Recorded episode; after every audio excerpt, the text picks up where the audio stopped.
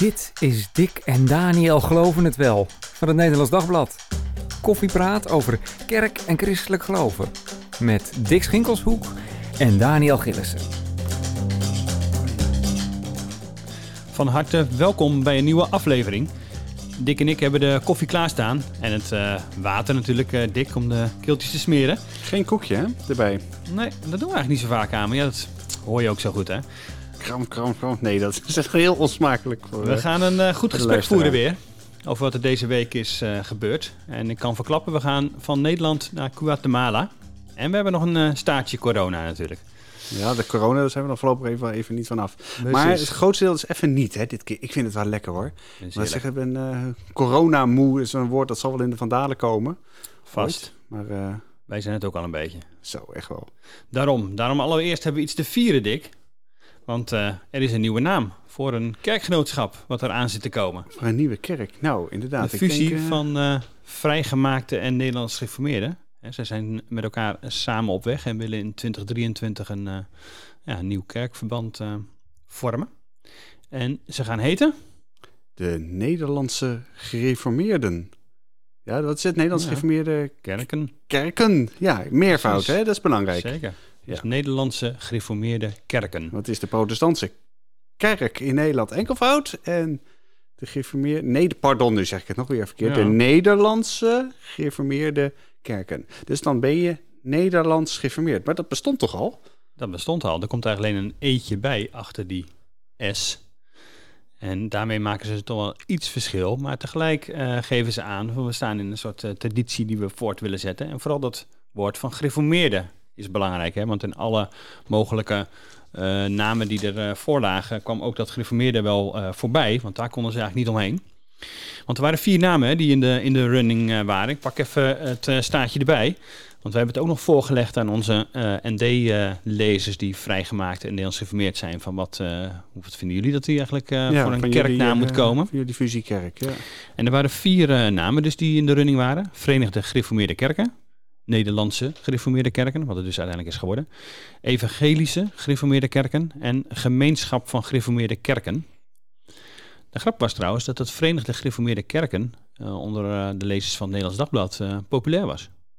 Ja, een ja. beetje apart, ik vind het eigenlijk wel een beetje, een, ik vind het een beetje een typische naam. Wat je wil doen als je, als je, aan, als je aan de fusie begint, is eigenlijk ervoor zorgen dat, dat, dat je op een gegeven moment ook echt daadwerkelijk één wordt. Dus en, en als het woord verenigde in jouw naam zit, dan blijf je voortdurend herinnerd worden aan het feit dat je dat dus ooit uh, niet was. Dat je ooit Precies. verdeeld was. En uh, dus ik vind eerlijk gezegd de naam Nederlandse gereformeerde kerken wel, uh, wel zo mooi. Het was ook mijn favoriet. Ik heb erop gestemd. Ik kreeg, de, ik kreeg het mailtje ook van het uh, panel.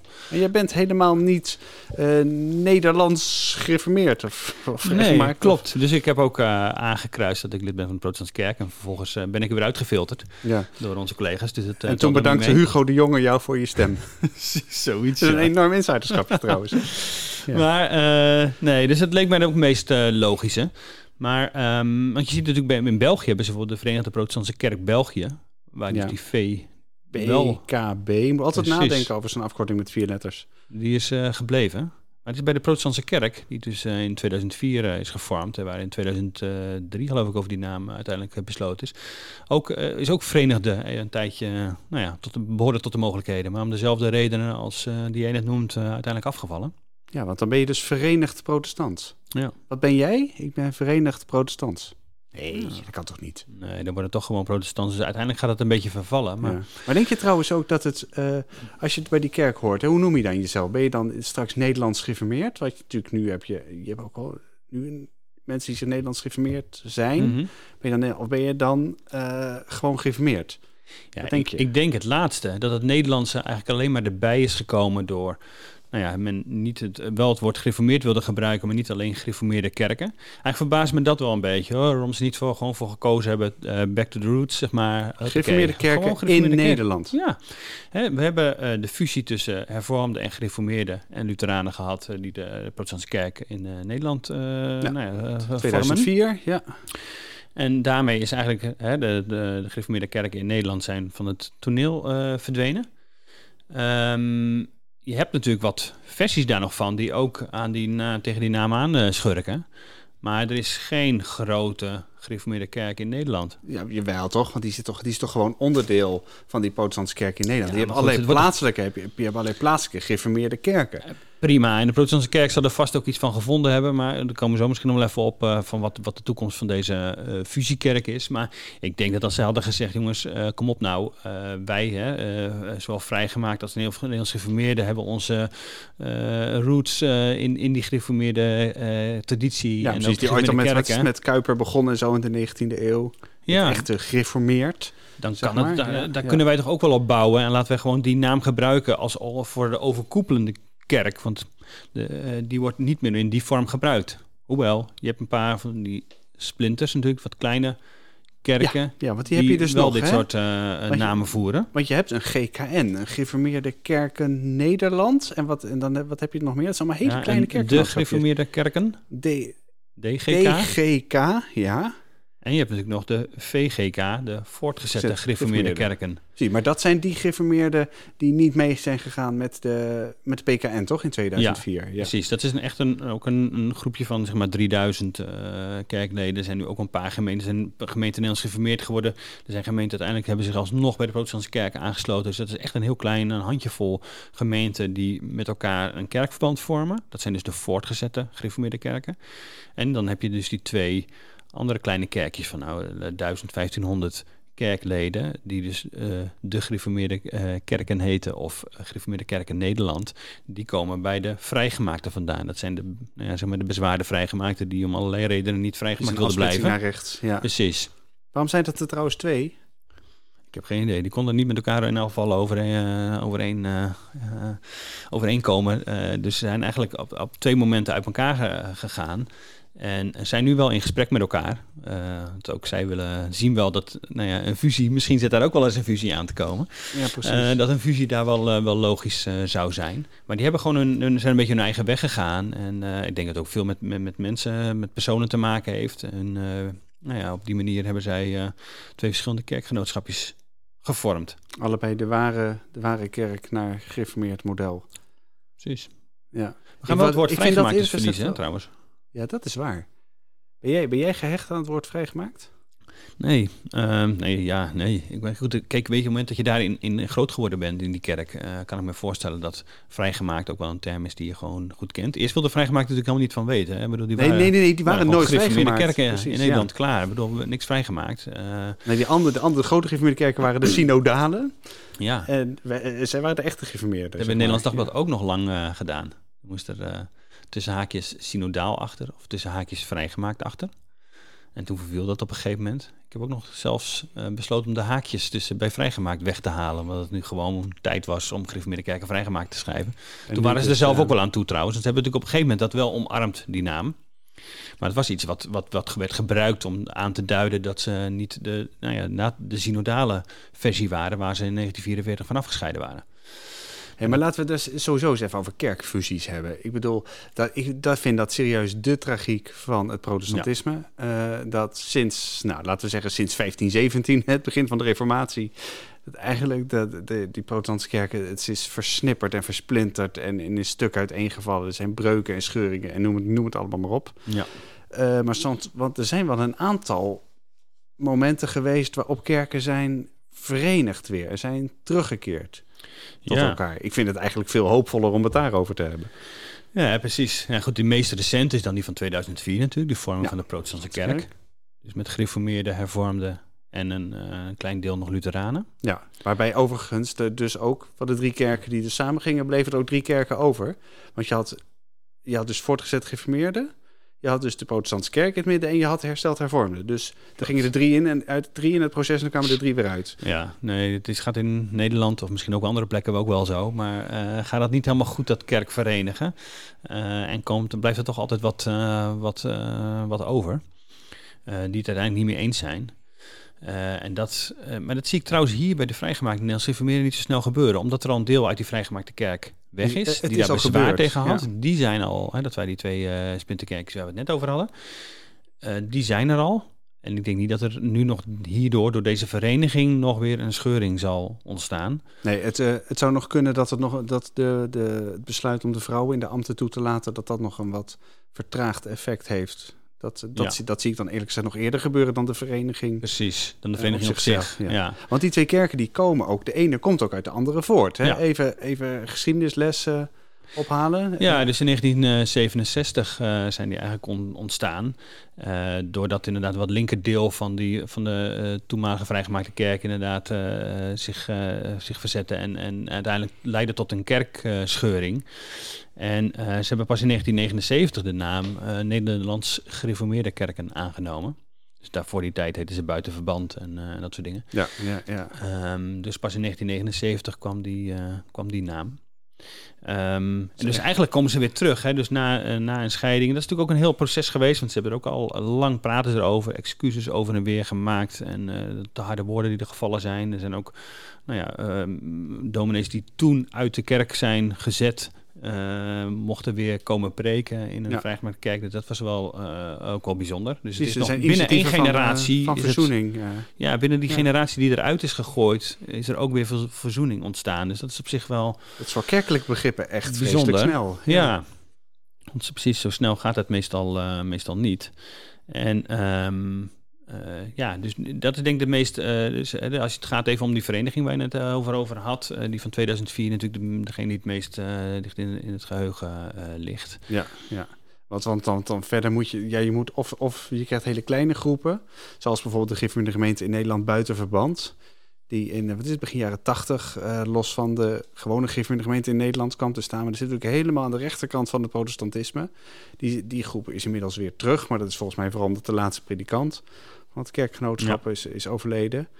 Uh, ja, en heel groot was natuurlijk de doliantie van... Uh, uh, nee, pardon, nee, niet de doliantie, dat moet ik niet zeggen. De, de vorming van de Gifmuurde kerken in Nederland... waar het nu allemaal zo ongeveer om ja, begonnen 1892, is. 1892, precies. Ja. Waarin natuurlijk de, de, dus de mensen van de doliantie, ja. zeg maar... En, en een groot deel van de mensen van de afscheiding... weer bij elkaar kwamen. Weer bij elkaar kwamen. Op weer een paar na. Dat is dan tegenwoordig zijn dat de, de gereformeerden. Ja, ja die daar niet in meegingen. Precies, precies, die daar toen niet in meegingen. Ja. ja. Maar zou dit dan een opmaat ook kunnen zijn naar, uh, naar nog meer kerkfusie, denk jij? Ik nou, mag ik ook gewoon allereerst maar zeggen dat ik het hoop.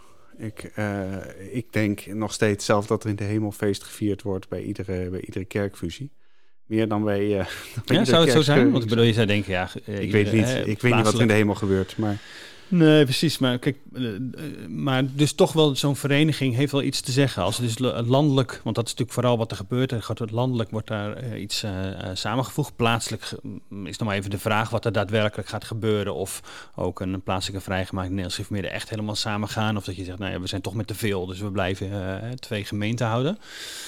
Um, maar is het wel goed dat, het, dat je fuseert, dat je samen gaat, één bent? Ja, ik, ja ik, vind, ik vind van wel. Ik heb. Uh, je, maakt, je, je maakt natuurlijk heel vaak mee dat mensen dat wat is het, instituten en zo ontzettend relativeren. Want het gaat tegenwoordig meer om het persoonlijke contact. Het gaat meer om de plaatselijke activiteit enzovoorts. En niet meer om die grote koepels. maar, ik, maar ik denk toch dat het signaal dat daarvan uitgaat dat je, dat je samen bij één, uh, één organisatie hoort. En dan zie je die organisatie, kerkersorganisatie, is, is niet alles, dat weet ik allemaal. Maar het zegt toch gewoon iets. Ik vind dat krachtiger, uh, steviger, uh, meer in overeenstemming met het evangelie... Uh, dan als je allemaal verschillende kerken hebt die naast elkaar staan... die ook nog eens een keer vaak geen, geen contact hebben met elkaar. Maar zou het dan dus ook kunnen zijn dat deze gereformeerde kerkvisie... gewoon een ja, soort van tussenstap is naar de protestantse kerk? Nou ja, buiten dat ik. Dus hopen denk ik serieus dat het daar echt wel, eh, echt wel op zou kunnen uitdraaien. Ik denk niet zo snel op een, op een fusie. Mm.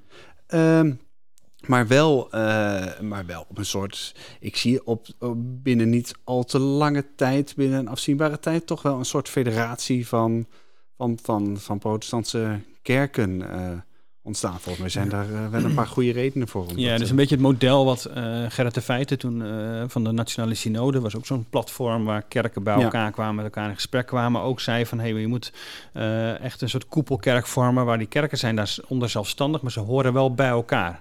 Een beetje het model van de evangelische ja. in, in, in, Duitsland. Ja, precies. Die bestaat uit een, uit een aantal landskerken. Zeg maar. die, zijn, die zijn, soms zijn die evangelisch Luthers, soms zijn die een mengvorm van evangelisch Luthers en geformeerd. Er is één uh, kerk, één deelkerk, zeg maar, één lidkerk van die EKD die echt speciaal geformeerd is. En uh, daar iets, iets daarvan in Nederland, ik zie dat wel gebeuren. Aan de eerste plaats natuurlijk omdat we heel erg geneigd zijn tegenwoordig om die bovenplaatselijke structuren te relativeren. Het gaat om plaatselijke gemeenten, het gaat om mijn geloofsbeleving en hoe dat dan verder daarboven georganiseerd wordt. Weet je, dat vinden mensen gewoon niet zo ontzettend belangrijk meer. Uh, ik denk ook dat het komt dat de PKN veel duidelijker dan zeg maar, de hervormde kerk van de jaren 50 geleden een, een eigen profiel heeft. Een heel beleid, beleidend uh, profiel. Ja dat het vrijzinnige deel ook wat dat betreft enorm is, is uitgehold. Ja, want dat was wel fascinerend uh, toen ik was met vrijgemaakte sprak in 2003, 2004. Dat ze echt dachten, oké, nu die herstelde vorm de kerk, dat is het hem helemaal. Hè? Nu gaan we, daar gaan wij ook misschien wel naar terug. Toen moest ik altijd wel een beetje lachen van, eh, dan heb je gewoon niet goed begrepen wat de verschillen van die tussen zijn. Hè? De, ja, de, zwarte pakken en de gele broeken, die mengen gewoon niet heel goed met elkaar. uh, als je als ouderling dan wel in een zwart pak, dan wel in een gele broek binnenkomt lopen, dat is toch wel even een groot verschil. Dat zegt heel iets over een heel groot verschil aan geloofsbeleving. Dat is trouwens een grapje. Wat, uh, wat is de geformeerde in de jaren zestig vaak te, is het aan hervormden maakte, aan hervormden adresseerde. Van, jullie hebben misschien leervrijheid in de hervormde kerk, maar wij geformeerden, wij hebben kleervrijheid. Ja. Ja, nou ja, precies. Dat, uh, die vrijheid die hebben ze ook wel genomen, vind ik dan. Dat hebben ze ook absoluut uh, gedaan. Maar dat, dat zegt ook iets over de verschillen uiteindelijk van hoe je dat geloof beleeft, vorm geeft. Uh, dus dat zo'n combinatie gewoon niet heel, heel snel denkbaar is. Maar met de protestantse kerk zeg je juist vanwege nou ja, die, die identiteit die de protestantse kerk aanneemt en laat zien. Zeg maar even de rechtzinnigheid in sommige, zullen sommigen het noemen dan past dat veel beter. Ja, want natuurlijk, want die, die fusiekerk, en dan dat zie je dan met name aan, die, aan, aan de, de, het grootste deel ervan de vrijgemaakt, die zijn natuurlijk ook enorm verbreed. Er zijn ook een soort, de ogen voor de wereld zijn, zijn open gegaan, voor andere christenen zijn open gegaan. Het bleek dat, dat die verschillen allemaal veel minder groot waren dan misschien wel eens ooit is gedacht. Ja, relativering ook van eh, de eigen, het eigen profiel. Ja, ja, ja, zeker. En ontdekt dat het eigen profiel veel, veel minder vaststaat dan misschien wel ooit is, uh, is gedacht. Kijk, er is wel één ding wat daar echt tegenpleit tegen een soort gang van die nieuwe fusiekerk in de richting van een soort federatie met, de, mhm. met de PKN. Dat is natuurlijk dat daar principieel nog steeds gewoon de ruimte blijft voor vrijzinnigheid. Die vrijzinnigheid is niet zo, is niet zo ontzettend groot meer in de, uh, in de protestantse kerk, maar hij is er nog wel. Er is gewoon een uh, wat, wat officieel aan de basis ligt van de protestantse kerk, is de pluriformiteit. Het idee dat, er, dat je op meerdere manieren kerk kunt zijn, dat je op meerdere manieren naar Christus kunt kijken, meerdere manieren de Bijbel kunt lezen. En uh, ja, vrijgemaakten hebben die horde natuurlijk in zekere zin formeel genomen hè, met, de, met de invoering van de vrouw in het ambt. Hè. Dat Jij kunt zeggen, gemeente precies, hoeft dat ook in te voeren. Ja, precies. Wat in het verleden juist heel belangrijk was. We zijn eenvormigheid. Ja. ja. Nou, dus, dus formeel gesproken hebben ze, hebben ze zijn, zijn, is het nu een pluriforme kerk? Alleen natuurlijk in de praktijk zal dat heel erg wennen zijn. Eh, van ja, hoe, hoe ga je dat doen? Wat, welke verschillen passen, passen nog? En welke, met welke uh, zet je jezelf buiten het, uh, buiten het kerkverband? Ja. Ja, dus dat, dat is nog de vraag van zullen deze gereformeerden dat ook accepteren? Dat de protestantse kerk er op die manier uitziet. Maar goed, met zo'n paraplu is het misschien nog wel weer anders. Dan ben je toch wat minder helemaal verantwoordelijk voor alles wat er in de protestantse kerk Precies. gebeurt. Dat zou een oplossing kunnen zijn. En de voordelen zijn natuurlijk in, in de tijd van krimpende kerken zijn natuurlijk enorm. Waarom zou je allemaal apart, uh, wat is het, administraties gaan nahouden, uh, erop na gaan houden? Wat is het predikantensalarissen, predikantenpensioenen? Waarom zou je dat allemaal ieder voor zich gaan regelen? Er is geen enkele goede reden voor om dat te doen. En, uh, en het argument van de uitstraling naar buiten, het feit dat je bij die ene kerk hoort, bij die ene protestantse kerk, ja, volgens mij is dat iets. Uh, nou ja, als het niet binnen afzienbare tijd gebeurt, dan zou het in elk geval binnen afzienbare tijd, binnen afzienbare tijd moeten gebeuren. Tien jaar. Nou, misschien een beetje, een beetje snel. Het is de kerk, hè? Ja, maar dat gaat, ja, vrijgemaakt gaan wel heel snel. Dat ja, vrijgemaakt gaan nu inderdaad heel snel, ja. Dus in tien jaar kan er ook wel weer superveel gebeuren. Maar goed, misschien is dat inderdaad wat, uh, wat snel. Maar 10, 20 jaar, uh, eh, 20 jaar lijkt me al wel heel lang eigenlijk. Maar goed, ja, ik was het tien jaar geleden ook niet, niet nee, precies. zeggen. Ja. ja. Nou, weet je, we gaan, de, we gaan, de, we gaan het zien. Ja. Wat, wel een, uh, wat je nu wel al ziet gebeuren is de, de universiteiten, de, de opleidingen. Zowel van de protestantse kerken, dat is de, de PTU, de Protestantse Theologische Universiteit.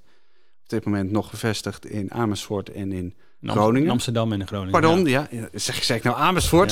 dat, dat mocht Amersfoort willen. Nee, in, uh, dat is Nederlands Dagblad al gevestigd, hè? dus daar uh, zijn ze voorzien. Wat dat betreft zou een universiteit, uh, zeker in een stad als Amersfoort, niet meer staan. Maar in Amsterdam en in, aan, de, aan, de, aan de vuur gevestigd en in, en in Groningen, die gaan verhuizen. Ja. Uh, althans, ze gaan naar, naar één locatie. En de vraag is natuurlijk even waar precies naartoe hè, en, wie, en wie dat dan gaat bepalen en hoe dat dan, hoe dat dan gaat. Er is nu een nieuwe rector daar, Maarten Wisse, die met een soort herbezinningstraject bezig is dat is, vind ik zelf nog wel behoorlijk intern gericht. Hè? Want het is natuurlijk een hele brede universiteit, zo breed als die protestantse kerk en misschien nog wel breder. Ja. En ja, die vraag is natuurlijk af van ja, wat is nou precies onze lijn? Hè? Hoe krijgen we al die verschillende kikkers nog een beetje in die ene kruiwagen? En uh, de oude Theologische Universiteit van Kampen gaat verhuizen. Ja, dus van de vrijgemaakte. Van de vrijgemaakte, straks van de Nederlandse gereformeerde. We, we, we, wennen er wel aan, we wennen er wel aan. Die gaat naar Utrecht. Kijk, en dan zit je natuurlijk al te denken, hè? Bedoel, dat, dat doe je natuurlijk net zo goed als ik. Stel nou, het zou toch een ontzettend goed idee zijn als de, de PTAU, hè, straks die, die van, van Amsterdam, ik ga het nu goed zeggen, mhm. en uh, Groningen ook naar Utrecht zou verhuizen. Die zouden samen gaan werken. Ik zie een fusie, een fusie hoeft natuurlijk helemaal niet. Hè? Nee, maar als je bij elkaar, als je één campus zou vormen, als je gewoon bij elkaar in de buurt zou zitten, zodat je helemaal met elkaar kunt optrekken. Uh, dat er hoogleraren misschien heen en weer kunnen, dat de studenten vooral ook heen en weer kunnen. Uh, dat zal een hoop helpen natuurlijk. Misschien wil het Baptistenseminarie daar wel bij aanschuiven. Je hebt de Catholic School of Theology ja. Uh, uit Tilburg, die ook een vestiging in, in, in, Utrecht heeft. in Utrecht heeft. Ja, kijk, maar dan, dan weet je, dan sla je misschien ook een deuk in een pakje boter. Ik hoop wel dat al die, al die universiteitsbestuurders ook gewoon over hun eigen schaduw kunnen heen stappen. Hmm. En gewoon snappen dat het hoe dan ook deze kant op gaat. En doe het dan liever nu dan over tien jaar als je net, uh, net te weinig vlees op de botten hebt om nog verschil te maken. Maar in uh, ja, wat groter orthodox christelijk uh, of orthodox gereformeerd kerkgenootschap hoor ik je dan nog niet over. Die ook een eigen universiteit hebben in Apeldoorn. De christelijk gereformeerde kerken. Dat was ooit bijna sprake van, hè, dat dat dus niet meer zo zou zijn. Dat ze dus samen zouden gaan met kampen, zeg maar. De gereformeerde theologische universiteit is uiteindelijk niet geworden. Dat is toch wel heel erg terug op hun eigen, hun eigen identiteit.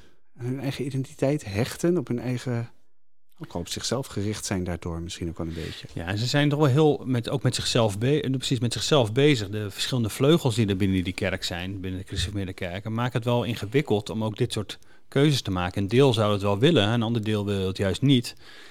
En het houdt elkaar over het algemeen redelijk in evenwicht.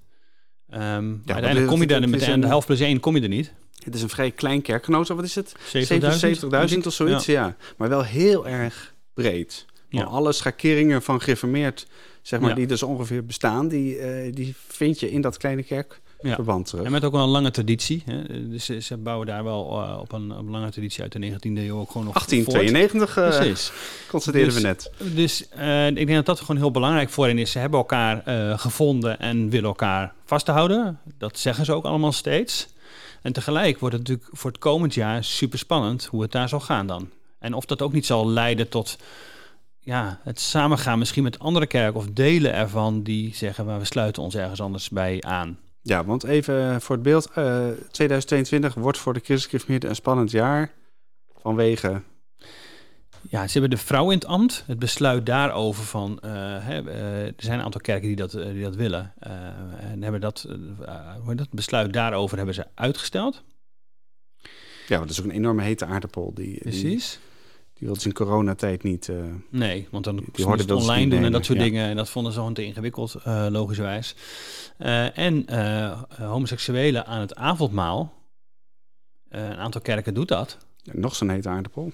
En andere kerken zeggen, dit mag absoluut niet. Ja, precies. Niet alleen wij doen dit niet. Nee. Maar dit mag niet in het hele precies. verband. Ben je christelijk dan mag dat gewoon niet. Exact. En dat geldt eigenlijk voor beide dingen waarvan een deel van de kerk zegt, maar wij willen vrouwen in het ambt en wij willen homoseksuelen aan het avondmaal laten.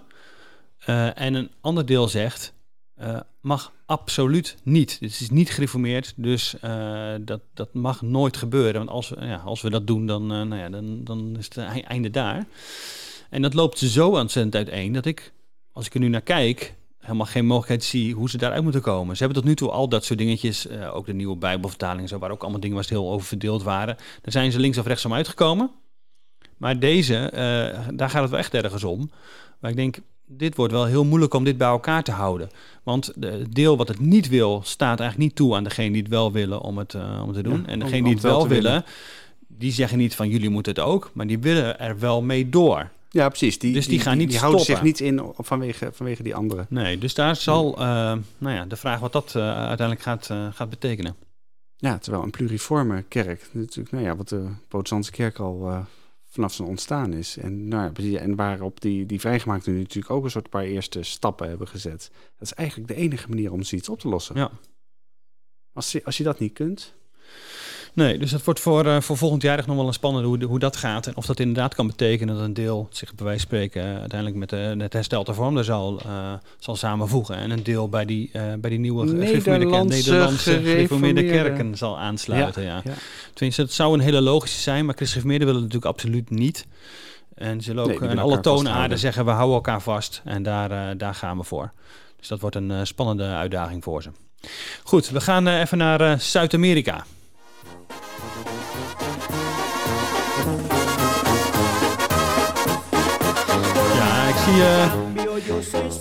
We gaan naar Guatemala, Dick. Want uh, daar gebeurt iets bijzonders over uh, kerkverbanden en kerkorganisaties gesproken. Wat is uh, daar aan de hand? Ja, dit is al een enorme kerkverbanden aflevering van, van deze podcast. Ja, er is iets heel wonderlijks aan de hand. Op dat moment zie je dat ontzettend veel inheemse Guatemalteken, hè, even ja. Inwoners van Guatemala, Guatemalteken, uh, zich tot de Oosterse orthodoxie aan het bekeren zijn. En dat is een hele gekke, hele gekke ontwikkeling, want die Oosterse orthodoxie, hè, die, die positioneer je in je hoofd vooral. Wat is het? Griekenland, Rusland, uh, die kant van de wereld is gewoon, bestaat eigenlijk vrijwel niet in Latijns-Amerika. Dat is Kun je ook niet goed voorstellen op een of andere manier. Je denkt toch aan katholieken en evangelische in dat werelddeel. Absoluut, ja. Maar nee, niet dus. Niet dus. Uh, deze groepen zitten vooral in het noorden van Guatemala. Nu, uh, je moet je dan voorstellen, het zijn vooral inheemse uh, Guatemalteken van de, uit de Maya-cultuur. Die zich in, nou, zeg maar in de afgelopen tien jaar... Sommige mensen hebben het zelfs over, over 80.000. Ik denk dat dat een beetje overdreven is als je andere bronnen naast elkaar legt. Maar goed, laten we zeggen, dat gaat in ieder geval om, om zo'n 15.000 mensen die zich in korte tijd hebben bekeerd van het katholicisme naar de Oosterse orthodoxie. Hm. En waar komt dat vandaan? Ja, waar komt dat vandaan? Kijk, um, even, uh, je moet je natuurlijk voorstellen, je hebt uh, die, Ma die Maya's, hè, die woonden daar ooit. Weet je iets van Maya's? Ja, ik denk aan een Maya-kalender en ik denk uh, inderdaad aan, aan de inheemse bevolking van dit soort landen. Ja. Maar ehm, grote, eh, wat is het, het, het Maya-rijk in, in, de, in de, de 16e eeuw door de Spanjaarden uh, is vrij, omgebracht zeker. Precies, een vrij korte tijd met de grond gelijk gemaakt. Uh, kolonialisme, de Spanjaarden zaten daar, hebben eigenlijk iedereen die het overleefde, of het zwaard of de ziekte, heeft zich vrij snel moeten bekeren tot het katholicisme. Dus dat is ergens de, de, de, de, de, het geloof van de, van de, van de onderdrukker, zeg maar. Dat is met geweld gebracht. Dat is is het katholicisme en kolonialisme zijn dus echt voor deze, voor, deze volk ontzettend nauw aan elkaar verbonden. Ja. Nou, al, het alternatief was hele lange tijd de, uh, de evangelische gemeente, Pinkstergemeente. Mm Maar dat, daar, die hebben een ontzettend sterke associatie met de Verenigde Staten. Hè, met die hele agressieve buitenlandpolitiek van de, van de Noorderburen. Mhm. Die nou eenmaal doen alsof uh, Latijns-Amerika hun achtertuin is... waar ze alles kunnen doen en laten wat ze willen. Een soort van een nieuwe overheerser, zeg maar. Ja, precies. Een soort nieuw kolonialisme. En uh, dan blijkt ineens die Oosterse orthodoxie, zeg maar, die is daar onbesmet. Die is on... Uh, die, heeft niet dat, die draagt niet dat, dat, dat verleden met zich mee. En is zeker voor die hele arme, wat je moet je voorstellen, het gaat om een straatarme uh, bevolking die, die geen cent te makken heeft, is een soort een eigen geloof dat niet samenhangt met de, met de elites of met de mensen van het Westen. Maar dat is echt, dat is van hen. Ja. Dat, ja, ik vind dat, dat, ik vind dat fascinerend. Ja, je moet je natuurlijk voorstellen, die Maya's, dat maakt ongeveer nog in die regio zo'n 8 à 9 miljoen uh, uh, mensen uit. Wij denken vaak dat het dan één volk, maar het gaat om ongeveer 30 mm. verschillende volken wel. En uh, die hebben altijd al een, een hele moeizame verhouding gehad tot, nou, tot de moderne tijd, tot, nou, tot die overheersers, tot de, de elite. Er zijn vreselijke burgeroorlogen geweest. Guatemala heeft een burgeroorlog gehad tot 1996. Waarin onder meer 200.000 van deze Maya's zijn, zijn omgebracht. ja. Uh, en daar heeft overigens, de, de, daar, moet, daar moet wel even gezegd, de katholieke kerk heeft daar een, een, een absoluut een goede rol gespeeld in het, in het boven water krijgen van dat mm. onrecht, in het documenteren daarvan. Dat heeft ook uh, katholieke priesters het leven gekost. Uh, alleen ja, voor deze Maya's geldt gewoon heel sterk van ons, dit is niet meer ons geloof. Ons geloof is, een, is, is, is anders. Wij, kunnen, wij afficheren ons daar niet meer mee. En Blijkbaar hele... hebben ze die Oost-Orthodoxie ontdekt en, en heeft dat, nou ja, ja raakt hen dat? dat? Dat hebben ze ontdekt omdat een hele bekende priester, uh, een katholieke priester, die heel veel deed voor de armen in, dat, in die regio, in het noorden van Guatemala, uh, heeft zich in de jaren, in de jaren nul tot het... Uh, tot de Oosterse orthodoxie bekeerd, mm. omdat hij zelf enorm teleurgesteld was in de houding van het Vaticaan. En uh, die, ja, je zou kunnen zeggen, die neemt nu gewoon... mee of zo. Hij is, al, ja, ja. hij is al lang overleden, maar dat, dat gaat door en uh, dat heeft veel meer wervingskracht dan... Uh, ja. En misschien zit het hem ook wel in, wat is het, rituelen? De, de Oosterse orthodoxie zit ergens, heeft dus, heeft dus een hele rijke liturgie, zeg maar veel rijker dan het evangelische... manier van, van, van geloofsleven. Staat dichter bij de natuur ook wel. Heeft een soort sacramentele kijk op de, op de werkelijkheid. Dus misschien dat dat ook wel, wel, wel, wel, wel beter aansluit of zo. Maar in elk geval, ik moet je eerlijk zeggen, sinds ik me nu hier een beetje in verdiept heb de, de afgelopen tijd, ik zou er dolgraag naartoe willen om dit met eigen ogen te zien. Ja. En er is een linkje met Nederland, begreep ik. Ja, er is ook een linkje met Nederland. Dat is ook fascinerend. Want uh, de, die groep waar ik, waar ik deze week voor de krant over heb geschreven, moet je voorstellen, die horen dan weer bij het patriarchaat van Constantinopel. Maar je hebt ook nog uh, uh, je hebt, van Antiochieën nog. Precies, ja, precies. De, de, van, die horen dan weer bij het patriarchaat van Antiochie. Dat zijn dan Syrisch-orthodoxen. En die groeien ook weer ontzettend. Laten we even, even luisteren.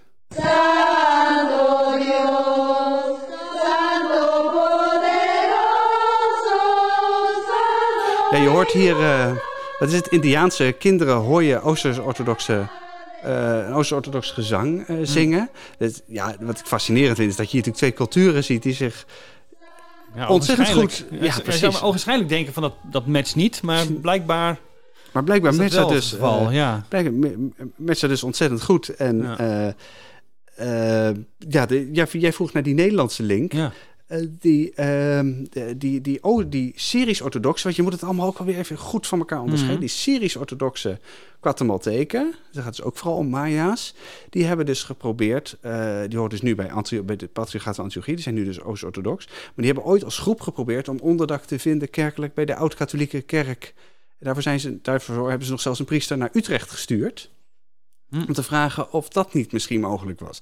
En dan had dus de, de Oud-Katholieke Kerk ineens een, uh, een afdeling in Guatemala gehad. Ja, precies, een bisdom in Guatemala uh, gehad. Ja, ja. Dat, dat zijn dus allemaal ja, zeg maar weggelopen katholieken die zich dus bij hun, in hun eigen kerk niet meer, uh, niet meer thuis voelen. Ja. Fascinerend om, omdat je ons even daarin meeneemt, uh, Dick. Om te weten van hey, hoe gaat dat daar en op welke manier spreekt het uh, de mensen en waarom spreekt het de mensen daar aan. En daar, daar zit nog wel meer in. Je gaat er dan gewoon, gewoon kijken of ze naartoe kan. Het zal super leuk zijn natuurlijk om, om, daar echt te zien hoe, het, hoe het gaat en met de mensen daar te spreken. Maar goed, we gaan nog even nu naar een staartje corona, had ik al beloofd. Ja, het moet maar hè. Het moet nog maar even. Uh, we, hebben de, uh, hè, we hebben gezien dat een heel aantal uh, christelijke artiesten moeite heeft met die QR-code passen. Dat je Corona-pas, ja. Je moet laten zien van ben je gevaccineerd of getest of genezen van, van corona. En dat ze dat, dat ze dat niet willen. En er is nu ook een christenencollectief ontstaan. Uh, Die met elkaar uh, zeggen van ja, wij uh, broeders en zusters gaan met elkaar optrekken, want dit kan eigenlijk niet zo langer. Ja, dat is parallel aan dat, aan dat artsencollectief. Hè? Dus ja. dat zijn, wat is het, medici, paramedici, die, ja. die heel afwijkend staan tegenover. Dit is het massale vaccinatieprogramma van de overheid. Ja, precies. Die stellen een, een soort alternatief uh, traject voor met uh, immuniteit en niet iedereen inenten die niet heel uh, zwak is, maar dus alleen echt de zwakkeren van de samenleving te laten inenten. En in van een heel andere aanpak van de coronacrisis staan zij voor. En dat geldt voor deze christenen ook, waar mensen als Bert Doornbos ooit van, van Schreeuw om Leven bij betrokken zijn we ook conservatief als Wilco Boender. En zo zijn er nog wel meer die daar hun handtekening onder hebben gezet. Rut Zelderrijk van de Nederlandse Patiëntenvereniging, ooit oh, ja. directeur. Ja. En, maar zij zeggen, hey, zit daar niet um, een soort ja, centrale aansturing? Dat is ook wat laten, laten vallen. De hele corona, wereldwijde corona-aanpak daar zien wij een centrale aansturing in. En vervolgens leggen ze, ja, hè, we zeggen van de aankondigingen. Um, het, over, het stemt overeen met wat we eigenlijk al jaren hebben gezien vanuit globalistische organisaties en hun leiders. En we zien hier de contouren van profetieën uit de Bijbel, speciaal het boek Openbaring. Dus daar hebben we het weer, dat ze zien dat het een profetie is, waar wij eerder ook wel eens over gesproken hebben. Moeten we ons daar druk over maken in die richting, Dick? Nou, ik denk dat het een hele kleine groep is en blijft. Uh, ik denk, ondanks wat die groep over zichzelf gelooft. Dat is vaak een soort bubbelwerking natuurlijk, die, je, dan, die je dan krijgt. Dat, dat aan de ene kant. Aan de andere kant vind ik het fascinerend. Kijk, ik snap dat je een artsencollectief krijgt. Dat je als artsen denkt, hé, hey, wat is het? ik heb een andere mening. Ik word niet gehoord. Ik sluit me, ik verenig mm -hmm. me met andere artsen het is in een soort collectief om wel gehoord te worden. Nou ja, dat mag je vinden. Uh, dat mag je doen zo. Ik vind een, christen, een christenencollectief, ik erg me overigens, ik enorm krom Nederlands. Maar, daar, maar goed, dat, dat moeten ze zelf weten. maar ik vraag me wel af, wat is er nou specifiek christelijk aan de, uh, wat is het, aan coronamaatregelen waar je het mee oneens bent of niet oneens bent. En waarom zou je zo'n collectief organiseren? Wat ga je dan doen? Ga je, ga je acties organiseren? Zijn nu straks de, uh, de christenen met, uh, wat is het, met demonstraties naast de artsen? Hoe moet ze willen elkaar waarschuwen en bemoedigen. Dat maar, is wat maar dat gebeurt toch al lang? Ik bedoel, moet je ja, op Facebook rondkijken? Dit, dit, is een soort Facebookgroep, denk ik, maar dan met een naam. Uh, en waar je nu kunt, je naam kunt achterlaten, dan kun je zien over heel Nederland hoeveel mensen zich bij jou uh, eigen, ook bij die beweging hebben aangesloten. En ze willen zeggen zelf dat ze geen acties willen opzetten, maar uh, doe gewoon mee aan alle acties die er zijn. En dat duidelijk zichtbaar wordt waar massa's mensen voor staan, dat is wat zij zeggen. Maar ze roepen op, hey, doe het biddend. Dus anders dan de andere mensen die daar misschien aan deze demonstraties deelnemen. Op dit moment ruim 1300 deelnemers zie ik. Dat vind ik nog niet zo stormlopen. Nee, precies. Dus dat is nog een uh, vrij uh, kleine groep. En wij gaan uh, vanavond gewoon naar een feestje van, van Harm. Hè? Ja, zullen we dat even markeren? Harm, hè, de producer van deze, van deze podcast. Hè, altijd, zit altijd klaar. Heeft altijd nou, af en toe zie je hem wel eens een beetje met zijn, met zijn ogen rollen. Zeker als wij proberen om iets over sport te zeggen. Dat is echt gênant, dan vindt hij dat. En, en als we te lang doorgaan? Als het lang doorgaan, dan zie je af en toe met de gebaren. Maar goed, Harm, die, uh, Harm gaat niet trouwen. Harm, Harm is al lang getrouwd. Maar hij gaat het alsnog vieren. en daar gaan wij naartoe natuurlijk. Daar gaan we naartoe met corona pas. Ja, het is uh, horeca. Ja, het is horeca. Dus uh, tover met voorschijn. Precies, je hebt hem al vaker laten zien. Uh, ja, ik heb vrees dat ik hem al wel vaker heb laten zien. Ja. Ik, uh, ik vind het wel bijzonder. Ik hoor wel van mensen die zeggen, ik, ik heb hem wel, zeg maar. Ik kan hem zo, zo activeren op mijn telefoon, want ik ben wel ingeënt. Maar ik, ik, ik doe daar niet aan mee. ik, vind dat, ik vind dat bijzonder, ik vind dat principieel. heb ik ook wel respect voor trouwens, denk ik. Ik denk niet dat ik dat zelf doe ga gewoon lekker naar het feestje van Harm uh, vanavond. En jij ook. Uh, onze QR-code laten zien. Dus uh, ik, ik heb me heftig voorgenomen om ons niet... we gaan niet zingen in deze podcast, maar anders zouden we Harm van harte toezingen. Dat gaan we niet doen. Dat beloven we hem. Maar wel een tof feest gewenst. Ja, absoluut. Harm, dankjewel jongen. Nou, dan zijn we daarmee aan het eind van deze podcast. Hartelijk dank voor het luisteren weer. Uh, vind je het leuk wat wij doen? Uh, beveel het dan aan bij je vrienden en familie. Deel het op sociale media. En wil je ons bereiken? Dat kan heel makkelijk. geloof.nd.nl Dus geloof.nd.nl is het mailadres waar je op ons kunt bereiken. En vind je het leuk wat we doen en wil je dat ook financieel steunen? Nou, overweeg dan eens een abonnement op het Nederlands Dagblad nd.nl slash abonnement. Daar vind je alle versies die er zijn. Al voor 1,75 in de week kun je alle artikelen lezen. En uh, geef je ook uh, steun aan deze podcast. Dat vinden we hartstikke leuk. Tot de volgende keer.